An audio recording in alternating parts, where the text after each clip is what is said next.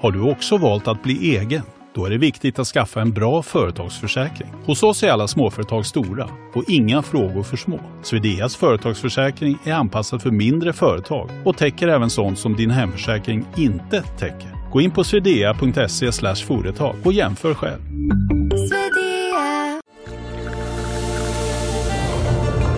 Välkommen till Maccafé på utvalda McDonalds restauranger med Baristakaffe till rimligt pris. Vad sägs om en latte eller cappuccino för bara 35 kronor? Alltid gjorda av våra utbildade baristor.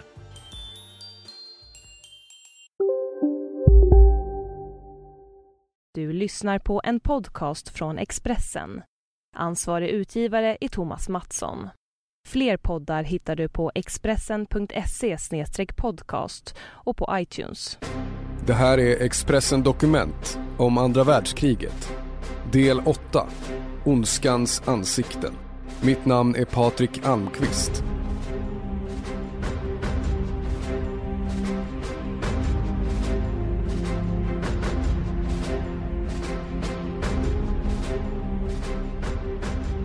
Den 20 januari 1942 sitter 15 nazistpampar i en villa i Wannsee utanför Berlin. Här fattas ett av mänsklighetens vidrigaste beslut. Den slutgiltiga lösningen. Miljontals judar ska dö. Heinrich Himmler omvandlar sitt hat till folkmord. Reinhard Heydrich skickar ut Gestapos svartklädda bödlar som griper judarna. Adolf Eichmann bygger gasugnarna. Josef Mengele gör medicinska experiment med fångar i Auschwitz. De är ondskans ansikten.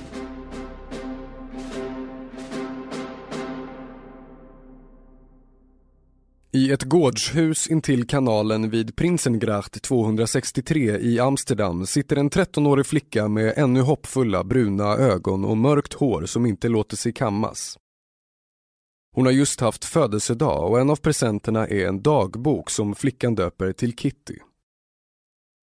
Hon skriver om sådant som händer på gatorna utanför. Judar måste bära judestjärna. Judar måste lämna ifrån sig sina cyklar. Judar får inte gå på bio. Hon heter Anne Frank. Den unga judinnans dagbok kommer att bli en röst också för sex miljoner andra judar som led och dog under den onda tiden. Anne Frank fyller år den 12 juni och veckan efter anförtror hon Kitty.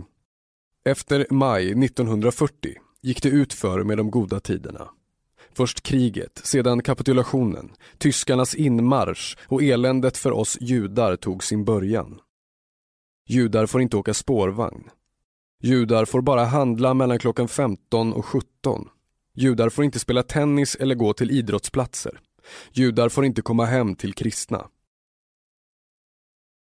Jag törs inte göra någonting längre. För jag är rädd att det är förbjudet. Inte bara i Nederländerna, överallt i det ockuperade Europa pågår förtrycket mot judarna. För Anne Frank och alla andra är det först rädsla som övergår till skräck, som övergår till fasa. Adolf Hitler blir rikskansler 1933. Snabbt börjar den skoningslösa terrorn. Alla som inte passar in i Hitlers dröm om det tusenåriga riket förföljs. Steg för steg införs nya lagar som inskränker medborgerliga rättigheter. Judar måste synligt bära den gula stjärnan. Andra människor som Hitler anser vara mindervärdiga fängslas och tvingas även de att bära märken. Romer, brun triangel. Homosexuella män, en rosa triangel och lesbiska kvinnor, en svart. Politiska fiender, röd triangel. Anhängare till Jehovas vittnen som anser att deras gud är större än Hitler, en lila triangel. I juni 1933 förbjuds det socialdemokratiska partiet. De andra partierna får order att upplösa sig själva. Tyskland är en enpartistat. I Dachau utanför München byggs det första koncentrationslägret.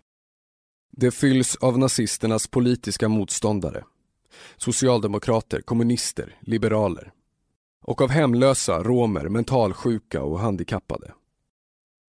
Hitlers trognaste bödel, Heinrich Himmler, har byggt Dachau. Ibland följer SS-chefens 12-åriga dotter Gudrun med pappa till jobbet. I ett brev till en släkting den 19 juli 1941 skriver hon Vi hälsade på pappa där han arbetar idag. Jag följde med mamma och mina mostrar Lydia och Freda. Vi fick se mycket.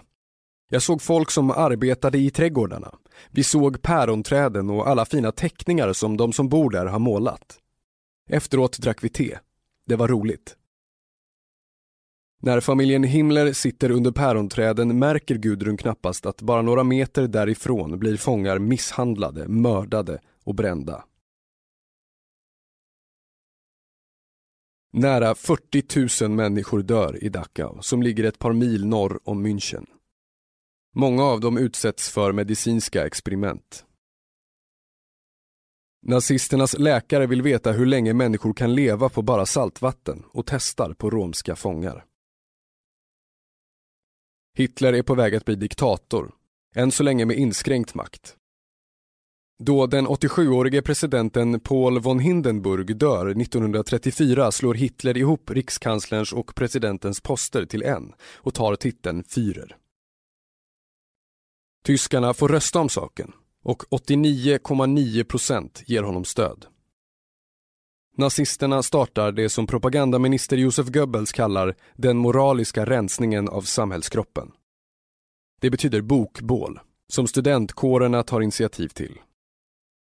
Ernest Hemingway och Jack London slängs i brasorna på torgen i universitetsstäderna tillsammans med Sigmund Freud, Bertolt Brecht och Albert Einstein.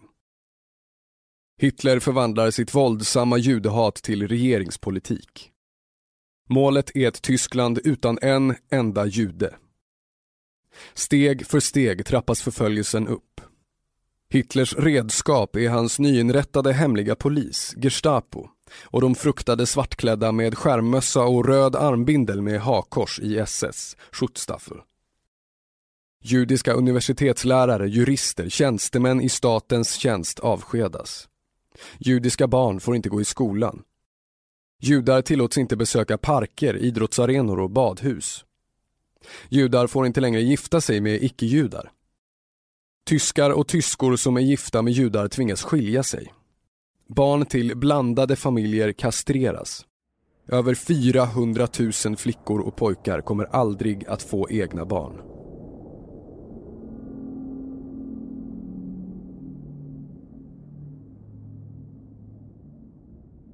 Lördagen den 1 april 1933 kommenderas SA och SS ut för att knäcka de judiska affärsmännen över hela landet. Beväpnade soldater vandaliserar butiker, hindrar kunder att gå in och klistrar affischer på skyltfönstren med uppmaning till bojkott. Tyskar, köp inte hos judar. Eller ut med juden. Den tyska judendomen ska förintas, säger Goebbels i en radiointervju på förmiddagen. Det ska bli ännu vidrigare. Natten mellan den 9 och 10 november 1938 går nazisterna till brutalt angrepp mot judarna. Historieböckerna kallar det för kristallnatten, efter allt glas som ligger kvar på gatorna då morgonsolen gryr. Mer än 7500 butiker vandaliseras. 287 synagogor sätts i brand. 400 judar mördas eller tvingas av SA att begå självmord. Och fler än 20 000 förs i järnvägsvagnar till koncentrationsläger. Propagandaministern sa den vanlige tysken hade äntligen möjlighet att skaffa sig sånt han behövde. Pälsar, mattor, dyrbara textiler fick han utan att betala. Folk var fullständigt hänförda. Till Tysklands svarta historia hör att många av dem som deltar i terrorn den natten är vanliga civila. Ariseringen är nästa steg. Nazisterna använder termen som beteckning för hur judisk egendom överförs till tyskar, arier. Då Hitler kommer till makten lever en halv miljon judar i Tyskland. Hälften av dem flyr utomlands på 1930-talet och tvingas lämna från sig vad de äger. En familj som flyr från Tyskland 1933 undan det allt hårdare förtrycket är Otto Frank och hustrun Edith. Föräldrar till Anne och hennes tre år äldre syster Margot. Otto Frank är 44 år och han börjar ett nytt liv med familjen i Amsterdam. Han startar en firma, Opekta, som tillverkar ett medel som hushållen behöver för att göra sylt.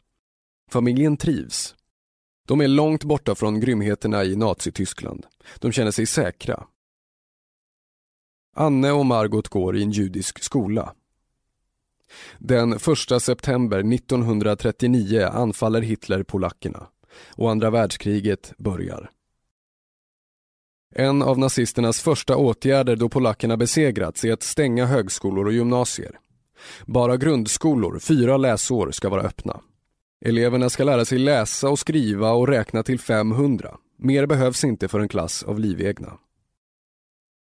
Den 2 september förs de första fångarna till ett nytt koncentrationsläger, Stutthof, tre mil utanför Gdansk. 85 000 människor ska dö där innan ondskans tid är över. Lägret blir en leverantör till tyskarnas medicinska akademins institut i Gdansk, där experiment gjordes för att göra läder och tvål av människolik. I Poznan har Gestapo högkvarter i ett 1800-talsfort. Dit förs mentalpatienter och där använder SS-männen en ny metod för avrättningar för att spara kulor. Den 12 december 1939 står en man med stålbågade glasögon och isblå blick och tittar på. Det är Heinrich Himmler, den blivande chefen för förintelselägren. Genom ett väl isolerat fönster ser SS-chefen hur patienterna förs in i en källare och genom slangar släpps kolmonoxid in. Det är de första massmorden som nazisterna utför med giftgas. Himmler tycker metoden är bra. Senare kommer anläggningen att ersättas av gaskammare monterade på lastbilsflak och ännu senare med dödsfabriker som de i Auschwitz och Treblinka. Hitler har två avsikter. En är att göra polackerna till lydiga slavar, en billig arbetskraft åt herrefolket. Den andra är att förinta judarna. I Warszawa tvingas en halv miljon judar att bo i ett getto under vidriga förhållanden. Det finns judegetton i nästan alla större städer som tyskarna erövrat under invasionen av Östeuropa. Än så länge har inte tågen mot den slutliga lösningen börjat rulla. Det dröjer inte länge. I maj 1940 dundrar tyskarnas stridsvagnar in i Nederländerna. Mannen som blir riksguvernör är en av fyrens mest hängivna anhängare. Den 49-årige österrikaren Arthur Seyss Inkart. Han styr med järnhand. Fem miljoner nederländare tvingas in i tyskarnas krigsindustri. 117 000 judar sänds till koncentrationsläger. Hus och värdeföremål som tillhör motståndare till Tredje riket beslagtas, ariseras. Otto Franks företag beslagtas i oktober. Han skriver över och pekta på en medarbetare som har nederländskt pass. Men det är bara formellt. I praktiken är Otto Frank chefen. Den 8 juli 1942 knackar två män i svart på hos familjen. De har med sig en inkallelseorder till den 16-årige Margot Frank. Alla vet vid det här laget vad en inkallelseorder betyder. En resa till lägren varifrån ingen återkommer. Familjen Frank går under jorden. Intill pappa Ottos fabrik finns ett gårdshus, ett magasin från början. Och den som stiger in genom en gröngrå dörr ser i hallen en stor bokhylla. Bokhyllan är svängbar och på andra sidan finns en trappa som går upp till en hemlig våning som tidigare använts för att mala kanel och kryddnejlikor. Där gömmer sig familjen Frank och fyra vänner. De har en radio som kan ta in BBC och lyssna till vad som händer i kriget. Goda vänner kommer med mat. Vid skrivbordet i det lilla rummet som Anne Frank delar med systern skriver hon dagboken som långt efter krigsslutet blir en av världens mest lästa böcker. Den 1 augusti 1944 gör Anne Frank för sista gången anteckningar i sin kära Kitty. Klockan 10.20 på förmiddagen den 4 augusti stormas gårdshuset av Gestapo. SS Oberscharführer Karl Josef Silberbauer har med sig tre beväpnade män från Grüne Polizei. Familjen Frank och deras vänner har blivit förrådda. Arthur Seys Inkart har deporterat nästan alla judar från Nederländerna och lovat rik belöning åt de som tipsar Gestapo om judar som ännu finns kvar. Familjen Frank splittras. Anne och Margot förs till Bergen-Belsen. De insjuknar i en tyfusepidemi som dödar tusentals interner. Anne Frank avlider tre månader före sin 16-årsdag. Systrarnas mamma Edith dör av svält och utmattning i kvinnolägret i Auschwitz-Birkenau. Otto Frank är den enda som överlever. Han var i Auschwitz då ryska trupper befriade lägret den 27 februari 1945. Då han återvänder till Amsterdam hittar han Kitty och alla andra dagboksanteckningar som Anne Frank gjort i gömstället. På svenska utkom Anne Franks dagbok i första utgåvan 1953. Ännu i slutet av 1941 känner inte många av Hitlers närmaste medarbetare till Führerns plan för judarna. Naziststaben har börjat planera för en jättelik deportering av fyra miljoner judar till Madagaskar eller till Sibirien. Men Führern vill något annat. Alla judar ska dö. Till Wannsee tar berlinarna pendeltåget soliga helger. Vid den vackra sjön med samma namn som stadsdelen packar de upp picknickkorgen och tar ett bad. Segelbåtar och roddbåtar syns på vattnet. Villaområdet är välmående och nutida besökarna hittar lätt den stora vita villan vid Amgrossen Wannsee 56-58. Huset är idag ett museum över ondskan. Här sitter den 20 januari 1942 15 högt uppsatta nazistpampar och tar beslut om förintelsen. Konferensen har sammankallats av SS Obergruppenführer Reinhard Heydrich, chef för Nazitysklands säkerhetsministerium. Han hade order från Adolf Hitler och riksmarskalk Hermann Göring att genomföra den slutgiltiga lösningen av judefrågan. Heydrich har en plan. Judar som orkar arbeta ska tvångsrekryteras till jobb med vägbyggen i Östeuropa. Heydrich räknar med att de med tiden ska dö av utmattning och svält. Alla andra judar ska dö snabbare. Företrädaren för rasfrågor i SS, Otto Hoffman, anser att metoden att skjuta ihjäl människor var alltför ineffektiv. Arkebuseringar tar lång tid och kulor kostar. Industriella mordanläggningar är lösningen. Auschwitz och Birkenau blir de första. Företaget Degesh får stororder på cyklon B. Den gasen är effektivast. Den hade nazisterna redan prövat i det så kallade eutanasiprogrammet, där mentalt sjuka människor avrättas. Efter en och en halv timme reser sig nazistpamparna. Alla är överens. De skålar i konjak.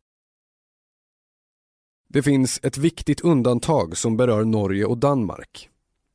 I Gestapochefen Adolf Eichmanns protokoll står att judeprojektet i de skandinaviska länderna kommer att stöta på problem och att gripandena skulle senare läggas. Det ger de norska judarna en frist på tio månader, de danska på ett och ett halvt år. Wannsee-konferensen är Reinhard Heydrichs största stund. Den 38-årige nazisten har på tio år med vassa armbågar kämpat sig upp till en central position i Tredje rikets toppskikt. Han har bara Himmler över sig i SS och är högste chef för underrättelsetjänsten SD och den hemliga polisen Gestapo. Samtidigt är han enväldig härskare i Böhmen-Mähren. Han är riksprotektor och har flyttat in i den gamla kungaborgen Panenske Brezani. Heydrich är en maktmänniska. Han omvandlar nazismens ondska till handling. Han såg sig som Hitlers efterföljare i ett nazistiskt världsrike, säger Expressens tidigare Tysklandskorrespondent Svante Lövgren, 96, som skrivit boken Heydrich, slaktaren från Prag. Heydrich klär i sin svarta uniform. Han är en stilig man som kvinnors blickar dras till. 183 centimeter lång, blå ögon och det ljusa håret struket över den höga pannan. En riktig arier. Hitlers massör Felix Karsten beskriver honom så här. Han har ett hjärta av stål, ett vilddjur som alltid vädrar fara och är beredd att slå till. Ivrig att behärska allt och alla. Redo att förfölja sina fiender bortom graven. Gestapochefen har andra intressen också. Han är en skicklig musiker, spelar violin och drömmer i ungdomen om att bli konsertpianist. Hans andra hobby är fäktning och han är stjärna i Tysklands fäktningslandslag tills kriget börjar. Heidrich är misstänksam, anar faror överallt. En av Heidrichs arbetsplatser är rikskansliet i München. Skrivborden i chefernas rum är dödsmaskiner, om det skulle komma in obehagliga besökare. Genom osynliga knappar kan Heidrich och hans kollegor manövrera två inbyggda kulsprutor som skjuter utan död vinkel, annat än vid skrivbordsstolen. Det är Heidrich som kommer på att alla judar ska bära den gula stjärnan. Och det är han som organiserar insatskommandona som mördar civila polacker under invasionen. Det är han som använder den strömlinjeformade maktmaskinen SS för att sända judar till dödslägren. Den 36-årige Adolf Eichmann är nazismens byråkrat och mördar från sitt kontor. Mellan 1935 och 1945 spelar han en central roll i förföljelsen och förintelsen av Europas judar. På Eichmanns befallning tas gaskamrarna i bruk. När han lyfter telefonluren sätts tågen i rörelse mot utrotningslägren. Med sin namnteckning dömer han många tusen människor till döden. Eichmann arbetar med Heydrich och hans uppgift är att bygga dödsfabrikerna och att ordna transporterna. Han reser ofta till de ockuperade områdena men han är för blöthjärtad för att se på då SS-männen utför likvidationerna som han själv beordrat. Långt senare, vi återkommer till varför Eichmann inte ställs inför rätta i Nürnberg, berättar ett vittne om då SS-män visar hur de avrättar judar i gasvagnar i Wartegau i närheten av Lodz. Vagnarna har gjorts lufttäta och med hjälp av en rysk ubåtsmotor pumpas koloxid in. Genom ett kikhål ser Eichmann paniken då de inspärrade inser vad som håller på att hända. Han går därifrån. Han vill inte se, inte veta. Efteråt vräks de döda ut i skogsgläntan och en polack går runt med hovtång och drar ut offrens guldtänder. Eichmann sätter sig i bilen och åker därifrån. Han ska inspektera utbyggnaden av förintelselägret Chelmno. Att planera mord med skisser och siffror passar den byråkratiska SS-mannen. Den onda verkligheten orkar han inte med. I januari 1942 är Eichmann klar med planeringen. Duscharna är installerade. Dödens fabriker väntar på de första tågen. Till Auschwitz transporteras judar från hela Europa. De första kommer från Schlesien i februari. I mars kommer tågen från Frankrike och Slovakien. På sommaren anländer judar från Nederländerna, Belgien och Jugoslavien. Lägervakter och SS-män står vid perrongen och gör urvalet av de som överlevt transporten i boskapsvagnarna. Kvinnor och män skiljs åt. Svaga, sjuka, gamla och barn förs direkt till de sju gaskamrarna. De som anses vara arbetsdugliga förs åt sidan. Ett fångnummer tatueras in på armen. De får jobba i jordbruket, eller tömma latrintunnor eller lägga sina kamrater i krematorier tills de stupar. Överlevnaden i lägren är sällan mer än fyra månader. I Theresienstadt i nuvarande Tjeckien bygger Eichmann ett mönstergetto avsett att lura både judar som fruktar för deportationerna och Röda korsdelegationer som kommer för att undersöka om ryktena om massavrättningar är sanna.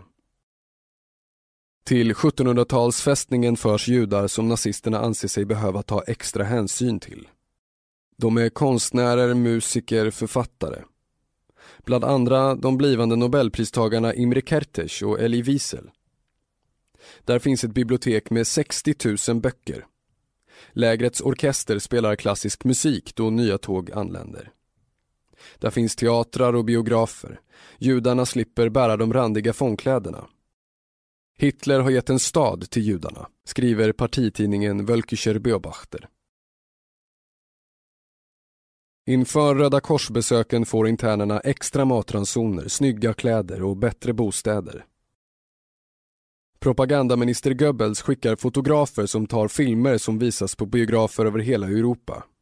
Här lever judarna ett nästan normalt liv under beskydd av Tredje riket. Allt är en bluff. Theresienstadt är lika grymt som alla andra läger. Röda korsinspektörerna får aldrig veta att efter en kort tid i lägret sänds judarna till Auschwitz. Inte heller att 33 000 judar dör av undernäring, sjukdomar eller avrättningar under tiden Theresienstadt finns.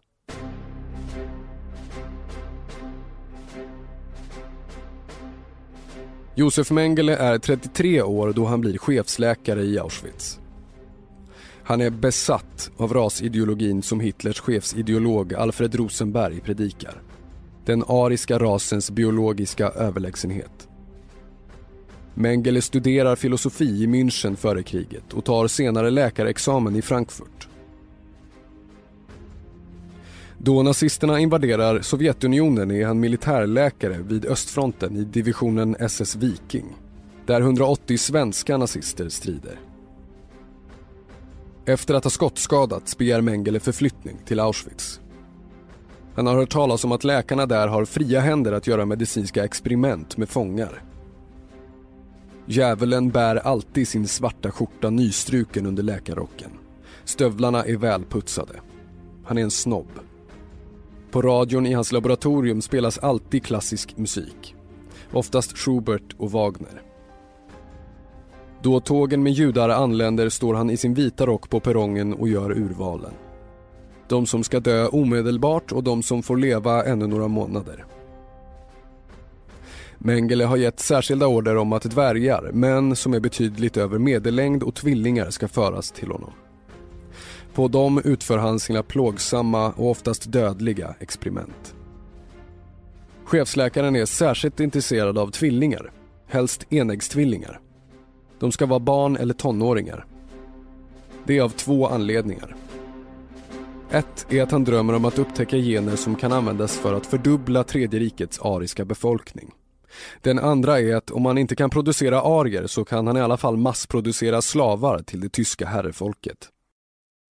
Mengele anser att tvillingar är idealiska eftersom han kan använda en av dem som kontroll medan han gör experiment med den andra. Inte minsta vetenskaplig grund finns för läkarens experiment. Han byter könsorgan på manliga och kvinnliga tvillingar för att se om det ändrar beteende.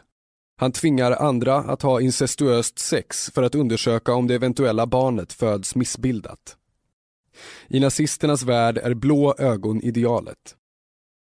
Mengele testar att färga barnens bruna ögon genom att injicera bläck genom hornhinnan. Han sprutar in dödliga bakterier och registrerar dödsförloppet. Han injicerar adrenalin direkt i hjärtat på barn för att kunna använda deras kroppsdelar till experiment medan de ännu är varma. Han beordrar avrättning av 700 fångar på kvinnoavdelningen för att det har kommit dit löss och avdelningen behöver desinficeras. Han blir känd som dödsängeln för sadism, obarmhärtighet och ren ondska. Vi återkommer till Mengele. Några mil nordväst om Weimar i tyska delstaten Thüringen ligger Ettersberg. En låglänt bergsknalle. Där låg koncentrationslägret Buchenwald. Ett av de värsta. Trädungarna längs bergssluttningen blev känd som den sjunde skogen på grund av fångarnas skrik. Här var det som brutala vakter korsfäste präster. Här var det som nazisternas läkare gjorde medicinska experiment på judar. Bland annat testades tyfusvaccin som dödade flera hundra. Den 11 april 1945 når amerikanska trupper fram till Buchenwald. Expressens medarbetare i London, Britta Håkansson, är den första svenska journalist som med egna ögon ser det förfärliga. Britta Håkansson är 31 år gammal, gift med den dånande radiorösten Alf Martin och har överlevt i en källare under blitzen. Dwight D. Eisenhower, den amerikanske befälhavaren, väljer själv ut Britta Håkansson till att ingå i gruppen av journalister som flygs till krigsområdet. Generalen vill ha med en kvinna, från en stor tidning i ett neutralt land.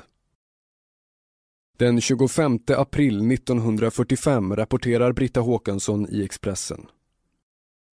På gården har nazisterna dumpat människor som de inte hunnit bränna i krematorierna. De ligger kvar. Jag ser utmärglade, hoptorkade män och de ligger där som en grotesk samling vaxdockor. Britta Håkansson ser lampskärmar och plånböcker som kommendantens fru Ilse Koch låtit tillverka av hud från människor som avrättas. På en lampskärm sitter bröstvårtorna kvar, som för att undanröja alla tvivel om varifrån materialet kommer. Några fångar finns kvar. Utmärglade och svaga. De berättar för Britta Håkansson om Ilse Kochs skräckvälde. Hon brukade skriva upp numret på fångar som råkade titta på henne när hon red på lägerområdet. Den skyldige blev hängd eller skjuten efter vad Frau Koch ansåg vara lämpligaste straffet. Kommendanten under de grymmaste åren hette Karl Koch. Han och Ilses liv bland fångarna är som den vidrigaste skräckfilm. Hon styr över vilka som ska leva och vilka som ska dö. Familjen Koch har tre barn och bor i en stor villa utanför lägret. Trädgårdsmästaren Kurt Glass, en fånge som fortfarande är vid liv när amerikanerna når lägret, vittnar 1947 inför krigsförbrytartribunalen i Nürnberg om Ilses makabra samlarmani. Hon väljer fångar med de vackraste tatueringarna och när de är döda får hon skinnet levererat till huset. Ilse Koch försvarar sig. Jag var hemmafru och skötte våra barn. Jag hade ingen aning om vad som hände inne på lägret. Min man jobbade där och vi pratade aldrig om jobb när han kom hem. Min man jobbade där och vi pratade aldrig om jobb när han kom hem. Straffet blir fyra års fängelse, men hon friges efter två år. Efter att nya vittnen hittats grips hon igen och döms 1951 till livstidsfängelse. Ilse Koch tar sitt liv genom att hänga sig i fängelset Aischach i Bayern 1967.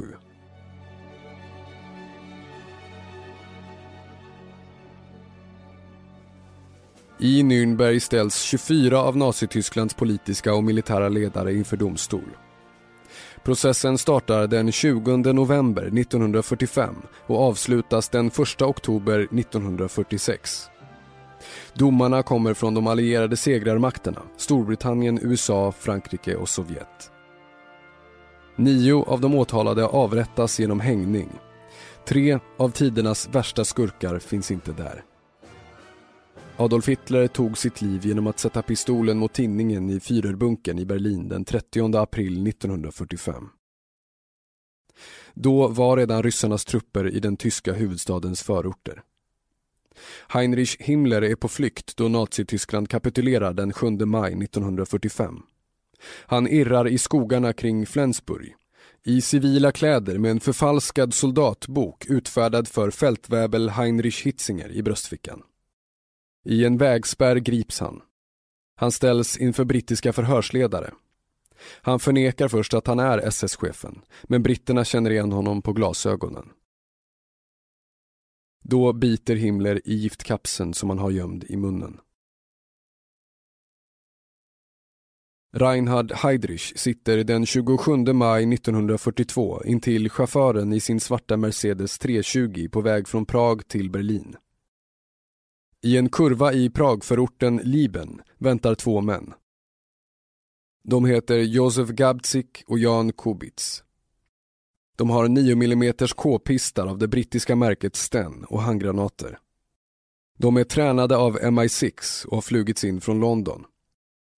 Chauffören saktar in i hårnålskurvan där männen väntar. Gabziks k-pist fungerar inte i det avgörande ögonblicket. Men Kubitz kastar handgranaterna in i bilen. Heidrichs rygg genomborras av metallsplitter. Han dör några dagar senare av blodförgiftning. Attentatsmännen grips i en kyrka tre veckor senare och skjuts till döds. Hitlers hämnd blir grym. Männen kommer ursprungligen från den lilla byn Lidice utanför Prag. 173 män från byn avrättas av SS vid en lada. 198 kvinnor och 105 barn förs till koncentrationsläger. Barn med blåa ögon och blont hår sändes till Tyskland för att ariseras i familjer som godkänts av SS.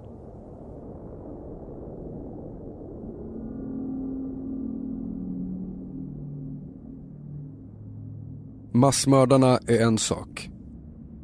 För Tyskland återstår också att göra upp med de tysta, trogna, fruktansvärt effektiva kuggar utan vilka det nazistiska maskineriet inte skulle ha fungerat en enda dag.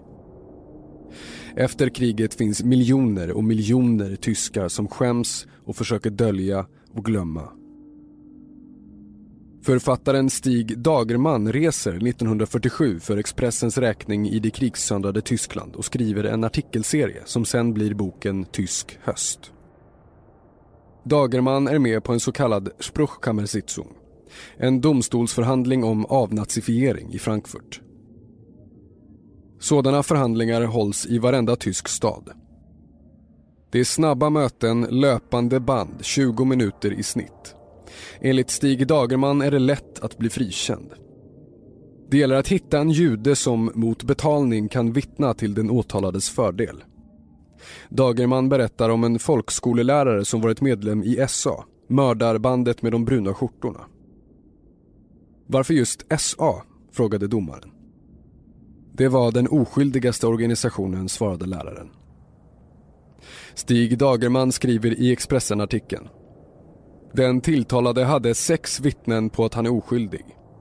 Vittnen som bedyrar att han lyssnat på utländsk radio. Judiska vittnen som sett honom uppträda vänligt mot judar. Sådana vittnen har alla åtalade.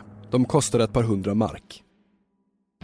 En flicka från skolseminariets bibliotek som vittnar om att den tilltalade var plikttrogen, snäll mot barn och hundar och rädd om böcker. Läraren frikänns och går tillbaka till eleverna i skolan.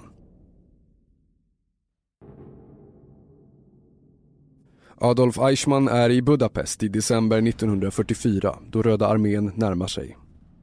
Han flyr och berättelsen om resten av hans liv är en thriller. Det finns en livlina, kallad Odessa. Ett hemligt nätverk som hjälper SS-krigsförbrytare till ett nytt liv. Eichmann har, liksom alla medlemmar av Waffen-SS, sin blodgrupp tatuerad på insidan av vänster arm. Det bränner han bort med cigarettglöd. Odessa ger Eichmann pengar och skydd. Han gömmer sig i ett katolskt kloster i den norditalienska staden Termeno.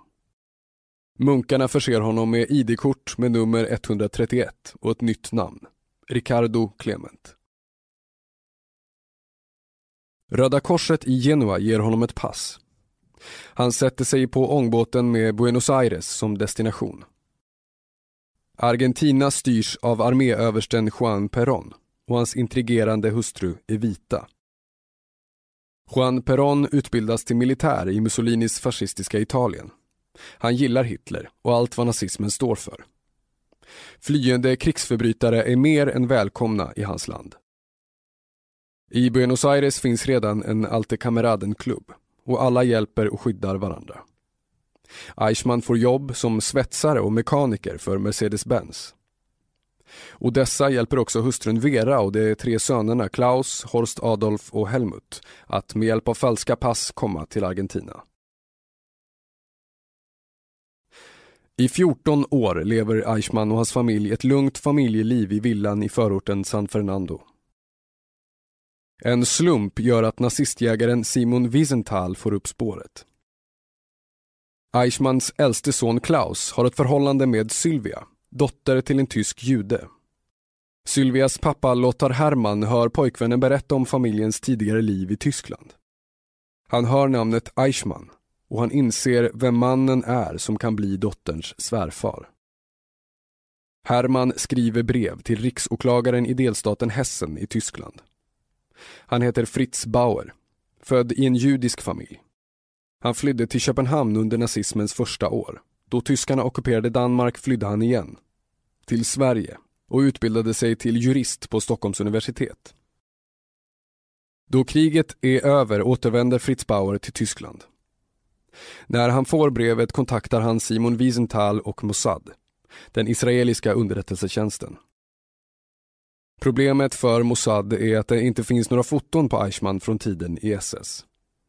Det ordnar Wiesenthal. En av hans medarbetare lyckas charma en av Eichmanns tidigare älskarinnor och hon har en bild på SS-officeren i uniform i albumet. En grupp israeliska agenter skickas till Buenos Aires. De behöver en ny bild för att jämföra. De måste vara säkra på att mannen de jagar verkligen är Eichmann. En agent låtsas vara fastighetsmäklare som gått vilse och hittar Eichmann med spaden i handen hemma i trädgården. Genom ett hål i portföljen fotograferar agenten med spionkamera.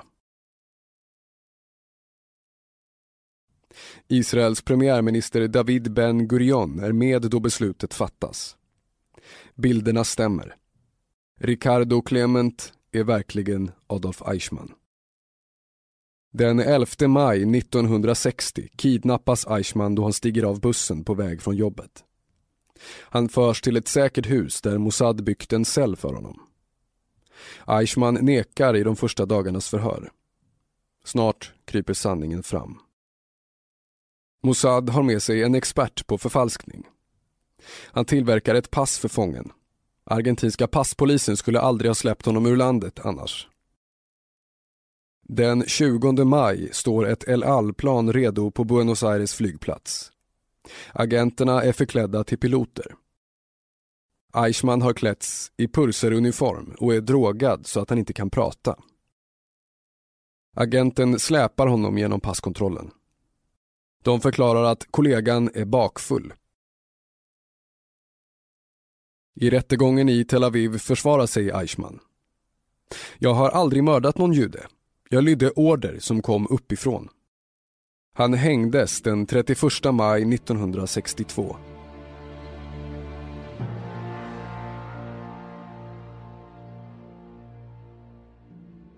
Josef Mengele flyr samma väg som Eichmann. Han träffar ibland Eichmann när det gamla nazistgänget har sammankomster. Han använder sig av olika namn. José Alves Aspiasso ibland och Dr. Fausto Rindon om han behöver imponera med en titel. Han jobbar som snickare, senare som försäljare av jordbruksprodukter. I mitten av 1950-talet ställs han inför rätta i Buenos Aires. Anklagad för att ha utövat läkaryrke utan argentinsk licens och vållat en tonårsflickas död under en abort. Mengele frikänns. Jakten på dödsängen pågår år efter år. Men med falskt namn, beskydd av politiker och andra goda kontakter lyckas han alltid hålla sig undan. När Mossad kidnappat Eichmann flyr han vidare, till Paraguay och köper en farm. Han är nygift med sin avlidne brors änka Marta. Under 1970-talet brinner marken igen och Mengele flyr än en gång till Sao Paulo i Brasilien. Mengele dör den 7 februari 1979 då han får en hjärtattack under en simtur i Bertioga vid kusten. 1985 grävs graven upp.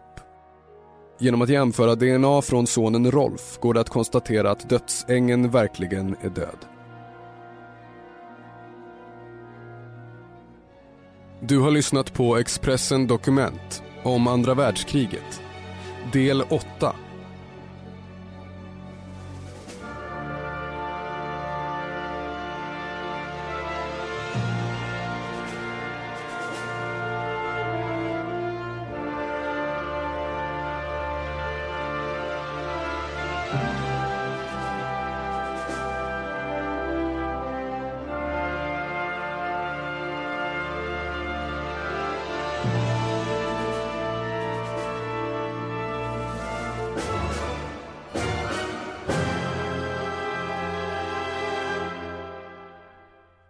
lyssnat på en podcast från Expressen.